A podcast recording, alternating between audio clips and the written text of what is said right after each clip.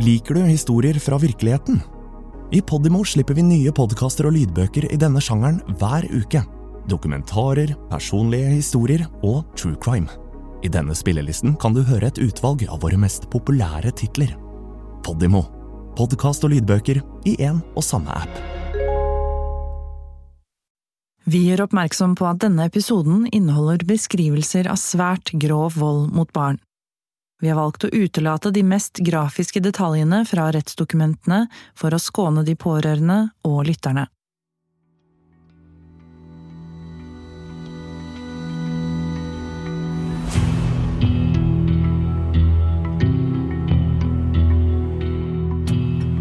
Fredag kveld 27. september 2002, på et lite småbruk i Svenning rett utenfor Steinkjer, er Geir Hårstad alene hjemme med sin eldste stedatter, elleve år gamle Kristina.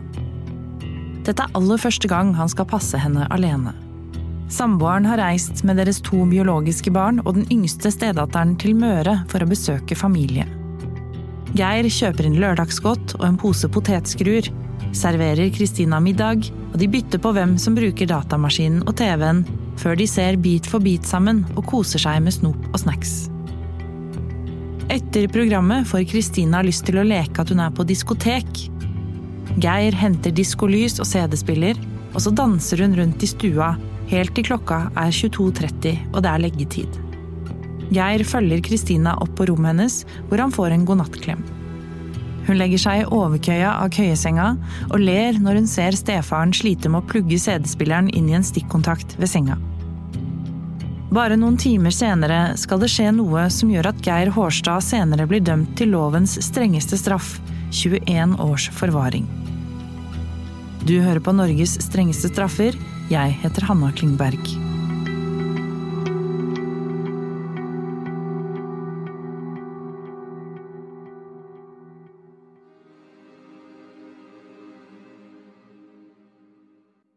5. februar 1963 blir Geir Hårstad født i Årdal. Han vokser opp i Namdalen rett utenfor Namsos med begge foreldrene og en søskenflokk på fem. Det er et godt hjem. På skolen blir han godt mottatt, blir raskt en av gutta, har både venner og deltar fint i lek med de andre barna.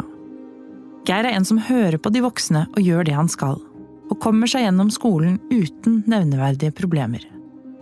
Venner og bekjente fra ungdomstiden beskriver ham som ærlig, grei og rolig. Kanskje litt sjenert, og med en liten vennekrets. Det eneste som kanskje plager ham, er når han får kommentarer på hvor mye høyere han er enn de andre. For selv om han utvikler hard hud og sjelden lar seg berøre av slengbemerkninger, så finnes det tilfeller hvor han eksploderer i sinne. Han var ikke kjent for å drikke alkohol, men de få gangene han gjorde det, så kunne det føre til noen mindre alvorlige voldsepisoder.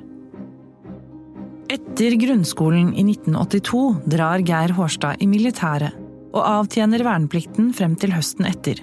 Da drar han for å tjenestegjøre ved den norske FN-kontingenten i Libanon. Året etter, 21 år gammel, flytter han hjem igjen, uten at det har vært noen nevneverdige atferdsproblemer i militæret. I Namsos møter han en ung jente på 16 eller 17 år. Laila Helene Lie. Det tar ikke lang tid før de to flytter sammen. Geir tar på seg forskjellige typer strøjobber, bl.a. som sesongarbeider i Årdal og sjauer i NSB. Han tar kurs i sveising og ender opp med gode attester og varme anbefalinger fra alle som har ansatt ham. Sommeren 1985 får han endelig fast jobb som slakter hos bøndenes salgslag i Namsos. Ett og et halvt år senere drar samboerparet på et forsinket julebord kvelden 24. januar 1987. Denne kvelden går 24 år gamle Geir sammen med den nå 19 år gamle Laila nedover en gate i Namsos. De er på vei til en nattklubb for å møte en venninne av Laila. Når de kommer frem, får de vite av dørvakten at det er fullt. Geir Hårstad drar hjem, men samboeren blir ute litt lenger. Når Laila kommer hjem, begynner de å krangle, slik de hadde gjort en del den siste tiden.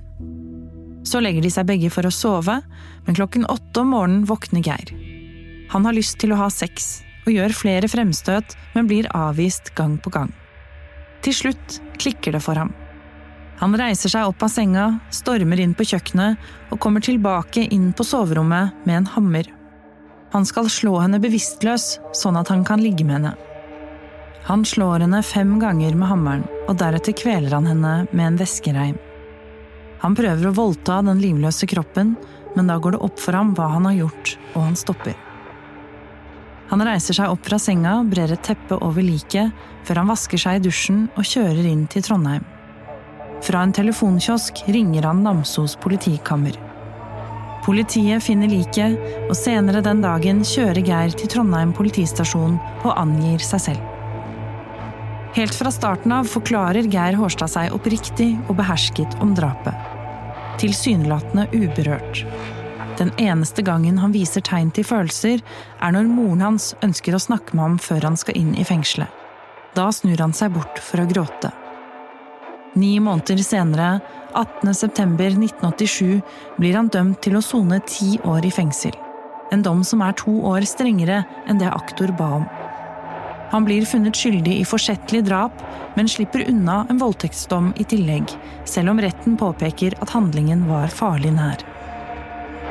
Geir Hårstad slipper sikring fordi rettsvesenet mener det ikke foreligger noen holdepunkter for gjentagelsesfare. De mener at Hårstad mest sannsynlig ikke vil begå et drap igjen. Kun fem og et halvt år soner Geir Hårstad bak lås og slå i Ullersmo landsfengsel. Fra 13. august 1992 blir han overført til åpen soning i Trondheim fengsel, avdeling Leira. Det er tegn på at Hårstad blir sett på som en mønsterfange og ett år og en dag senere er han en fri mann.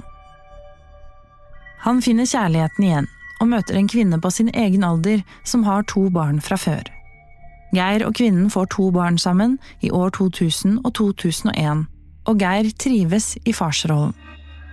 Kvinnen er fullt klar over hva Geir har gjort og har sonet for, men hun er sikker på at mannen hun elsker er rehabilitert.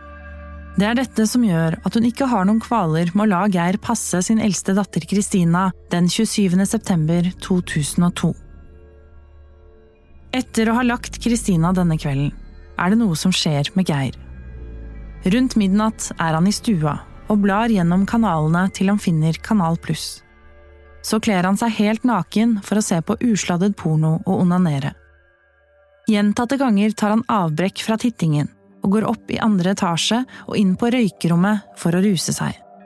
Han har røyka hasj og marihuana helt fra morgenen av og må gjennom Kristina sitt rom for å komme seg dit. Minst to ganger etter at hun la seg, har han gått gjennom rommet hennes.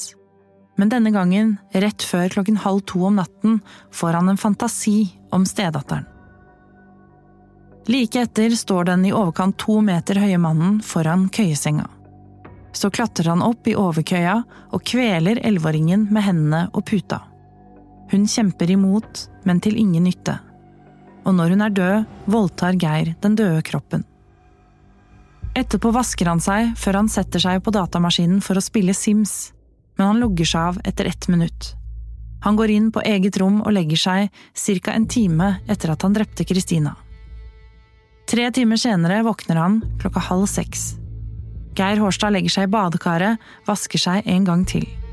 Ren går han ned i stua, ser på tekst-TV og tar seg en røyk.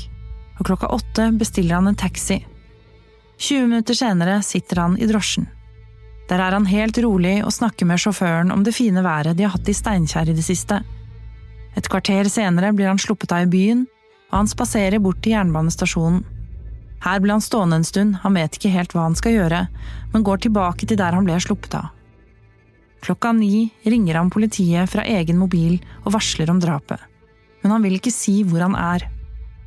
Han har lyst til å ta toget, men det er ingen tog som går. Han venter før han ringer en kjenning for å skaffe mer hasj. Han trasker bort til ham, men kjenningen kan kun tilby ham piller for øyeblikket. Geir Hårstad nøyer seg med en kopp kaffe og en avis på jernbanestasjonen i påvente om at dagligvarebutikkene skal åpne. Så går han bort til Rimi, kjøper to øl og drikker til det er tomt. Klokken 12.42 ringer han politiet igjen og angir seg selv, nøyaktig slik han gjorde 15 år tidligere. Seks minutter senere blir han pågrepet av politiet foran brannstasjonen i Steinkjer med hendene over hodet.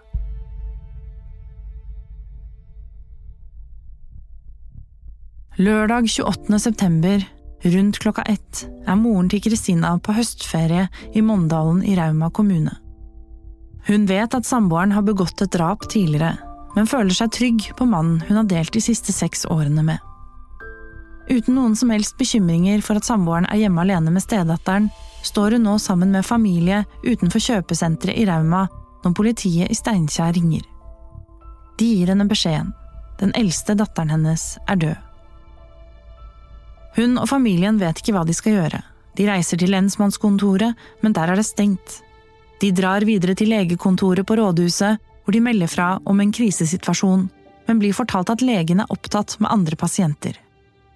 Når moren til Kristina først kommer inn, blir grandonkelen til Kristina med, og de forklarer situasjonen, og legen skriver ut en resept på beroligende medikamenter. Grandonkelen reiser øyeblikkelig av sted til apoteket, og rett etterpå ringer politiet til legen og bekrefter det som har hendt.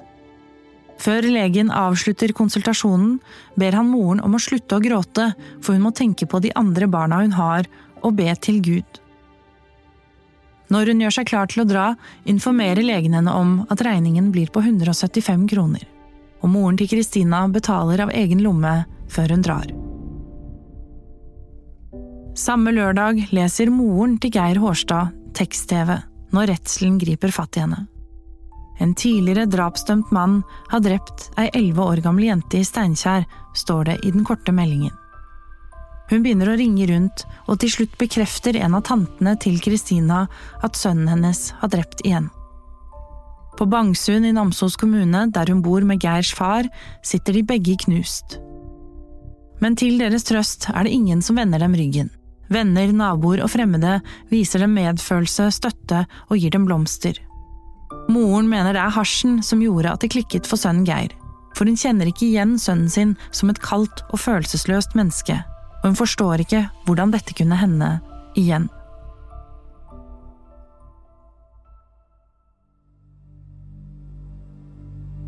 Oktober 2002 To psykiatere får oppdraget som sakkyndige i den kommende rettssaken etter godkjenning fra den tiltalte. Grunnen skal være at Hårstad er misfornøyd med undersøkelsene som ble gjennomført etter det første drapet i 1987. Han ønsker å finne svar på hvorfor han dreper.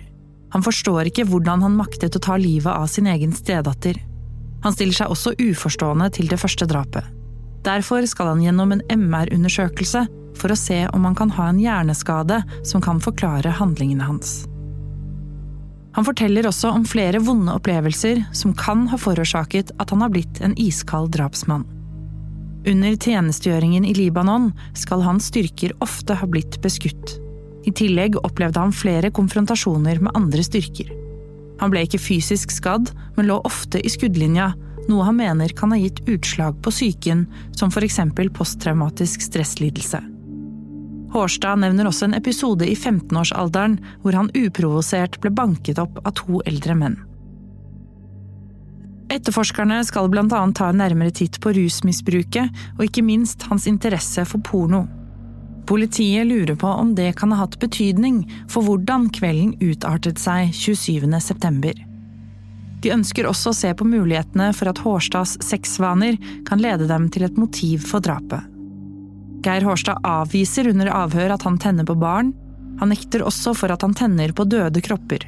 Men etterforskningen ønsker å grave dypere for å se om de finner andre svar på disse spørsmålene.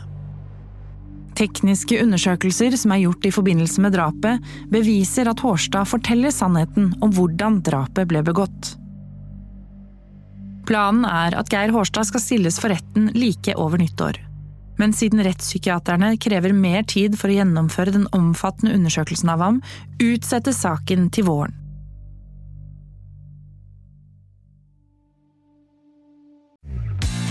Hei! Har du lyst til å høre mer som denne podkasten, men helt reklamefritt? Da vil jeg anbefale deg å laste ned Podimo-appen for en gratis prøveperiode.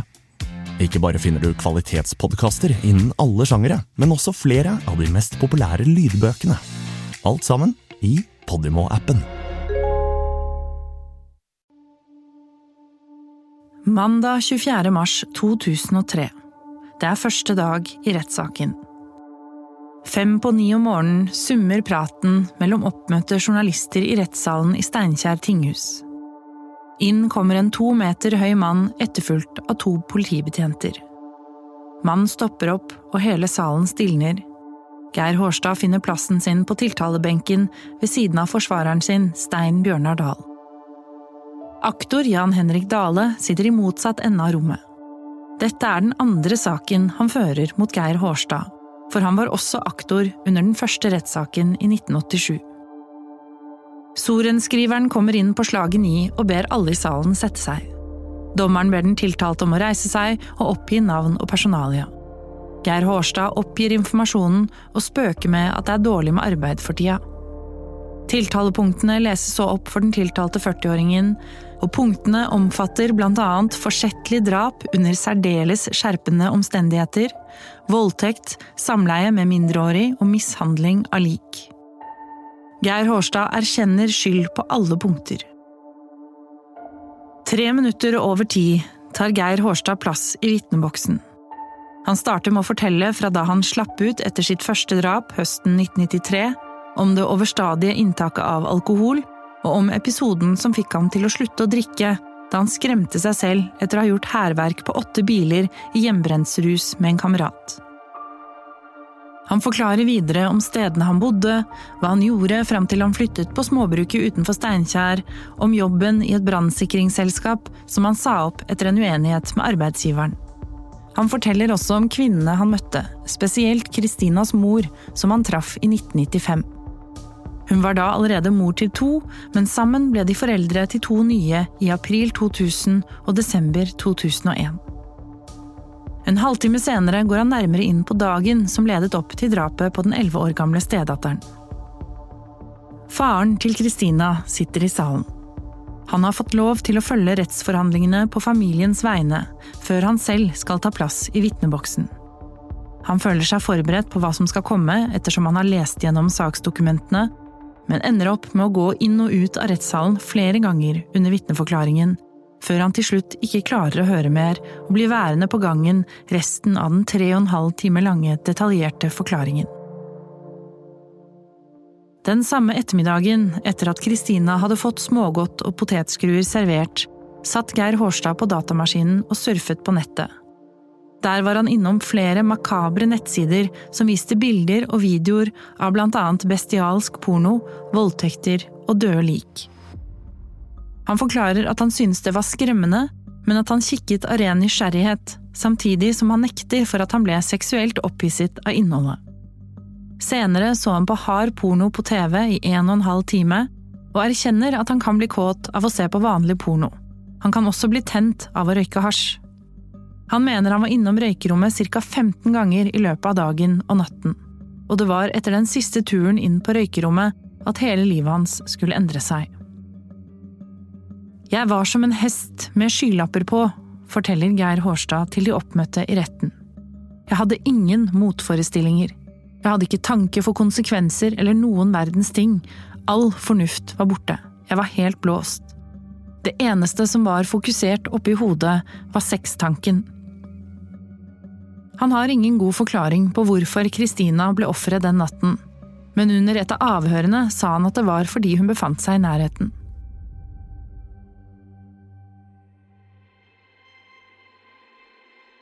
Andre dag i Inderøy tingrett forklarer politiførstebetjent Torkil Beistad seg. Det var han som tok telefonsamtalen da Geir Hårstad varslet om drapet. Måten det ble sagt på, var merkelig. Han virket likegyldig, vi lurte på om det var en reell melding eller en makaber spøk. Jeg spurte igjen, og fikk svaret Jeg er Geir Hårstad. Jeg har drept min tolv år gamle stedatter. Hun ligger i andre etasje i huset på angitt sted, forklarer politibetjenten. En professor i rettsmedisin går deretter gjennom resultatene fra obduksjonen. Han viser bilder fra undersøkelsene og kommer med en svært detaljert forklaring om resultatene de har funnet. Han viser frem tydelige tegn på at kvelning er dødsårsaken. For første gang under rettssaken kan de som er til stede, se noe som kan minne om ubehag på kroppsspråket til Geir Hårstad. Han vender blikket vekk fra bildene og knipser anspent med fingrene. Professoren forklarer at det er mer enn 80% sannsynlighet for at jenta ble forgrepet seksuelt etter at hun var død.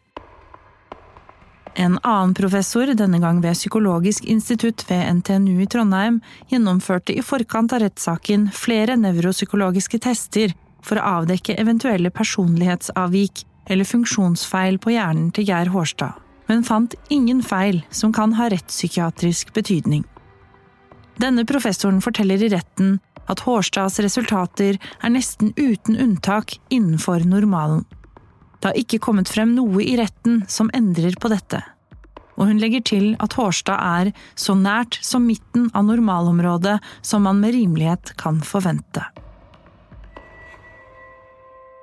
Spesialmedarbeider Erik Mørkve ved Steinkjer politistasjon var mannen som tok seg av avhørene med Geir Hårstad.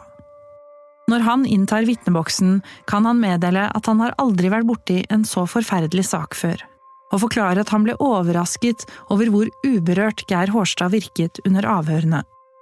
Kun én gang i løpet av de nesten 30 timene med avhør viste Geir Hårstad følelser, og det var når han ble spurt om han var glad i barna sine.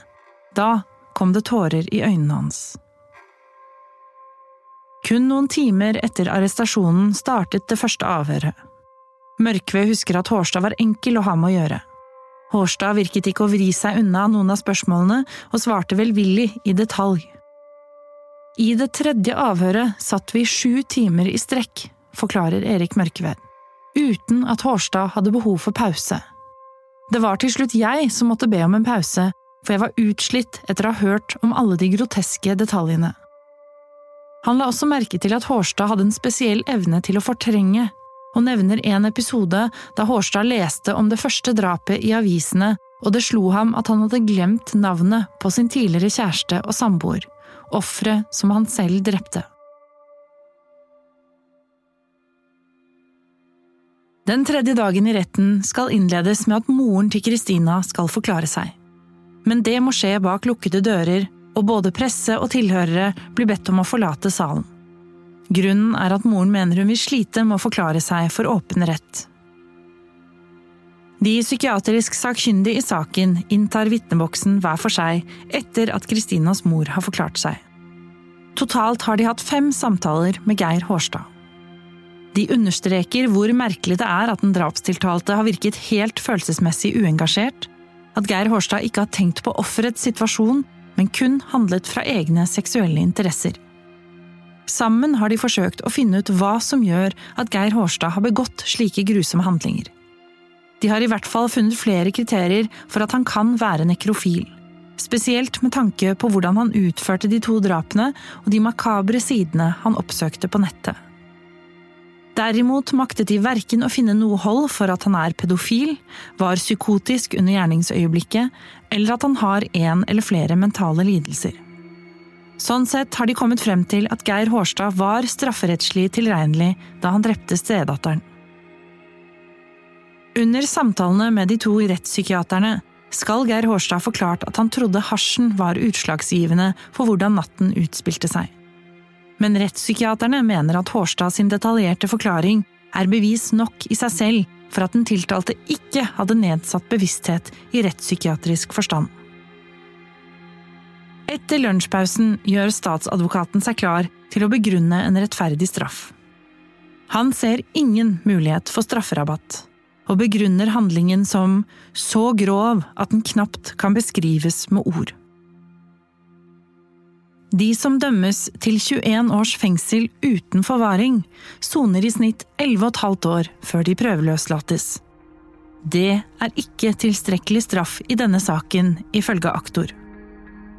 Rettspsykiaterne har påpekt at behandling kan ta lang tid, opptil 18 år, og uten noen garanti for suksess. Derfor kan soning på Ila bli en gyllen sjanse for Hårstad, for der vil han bli tilbudt et tverrfaglig behandlingsopplegg. Aktor konkluderer med at Geir Hårstad bør dømmes til forvaring i 21 år. Minstetid i forvaring er ti år.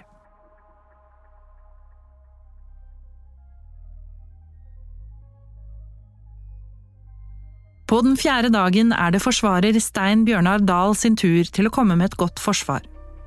Han prøver å beskrive det menneskelige ved den drapstiltalte. At Geir Hårstad selv ønsker en streng straff, er et tegn på at han skammer seg. At han viste følelser under både pågripelsen og i avhør, og moren til Kristina har til og med vist ham støtte. Hun greier ikke å legge ham for hat, noe hun forklarte under lukket rett. Forsvareren mener også at Hårstad ikke hadde planer om å ta livet av Kristina. Han synes aktors påstand om 21 års forvaring er altfor streng. Det er vanlig rettspraksis at en tilståelse gir formildende straff, og forsvaret viser til at Hårstad har innrømmet det han har gjort fra dag én. Aktor derimot viser til Hårstads første drapsdom, da Hårstad ikke ble dømt til sikring, og understreker at ingen kan bebreides for at det viste seg å være feil, men at man ikke kan gjøre samme feil en gang til. Det eneste riktige er forvaring, ifølge hans juridiske forståelse. Ikke bare av hensyn til offentligheten, men også av hensyn til Geir Hårstad selv.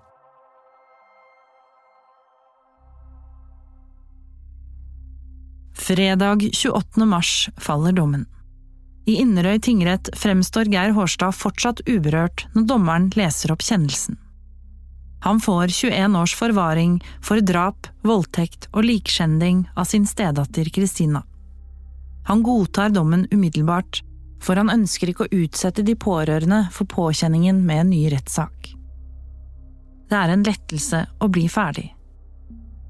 I tillegg blir Hårstad dømt til å betale moren til Kristina 200 000 kroner i oppreisning, samt 120 000 kroner til faren.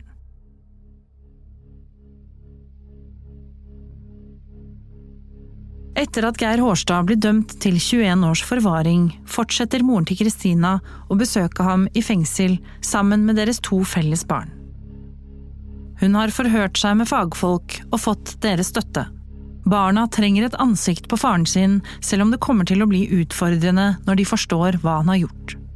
Ifølge moren til Kristina hadde de syv gode år sammen og det vil hun at barna skal få vite før de selv kan bestemme hva slags forhold de ønsker å ha til faren når de blir eldre. I fengselet konsentrerer Geir Hårstad seg om å trene, tegne og få behandling. Behandlingen er et håp om å en gang bli en fri mann igjen. Dommen hans har en minstetid på ti år, men siden behandlingen han må gjennom kan være både langvarig og uten noen særlige resultater, må han regne med å bli holdt i forvaring etter 21 års soning. Hårstad deltar på flere behandlinger de kommende årene, blant annet kjemisk kastrering, terapi og fordypning i klinisk sexologi, men uten overbevisende resultater. Etter å ha sonet minstetiden på ti år søker han om prøveløslatelse i 2014, men kommer ingen vei i retten med sine argumenter om at avhold til rusmidler har kurert ham for ondskap. Dommen understreker at man fortsatt ikke kan forklare hvorfor Geir Hårstad begår slike grusomme handlinger. De trodde de hadde svaret i 1987, men i 2002 fikk de vite at de tok feil. Og så lenge mysteriet Geir Hårstad forblir en gåte for de sakkyndige, så er det ingen som kommer til å se ham vandre fritt i gatene igjen.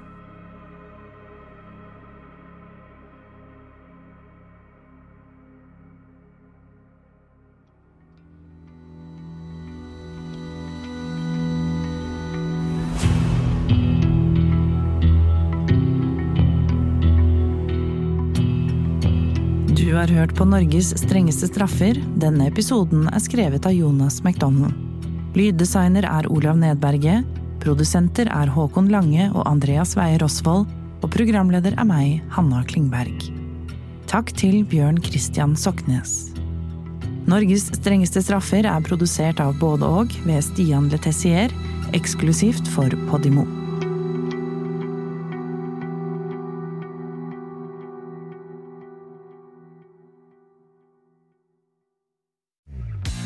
Likte du denne episoden? Så del den, da vel! Fortell en venn hva du hører på, og gi følelsen av god lytting i gave til noen du bryr deg om.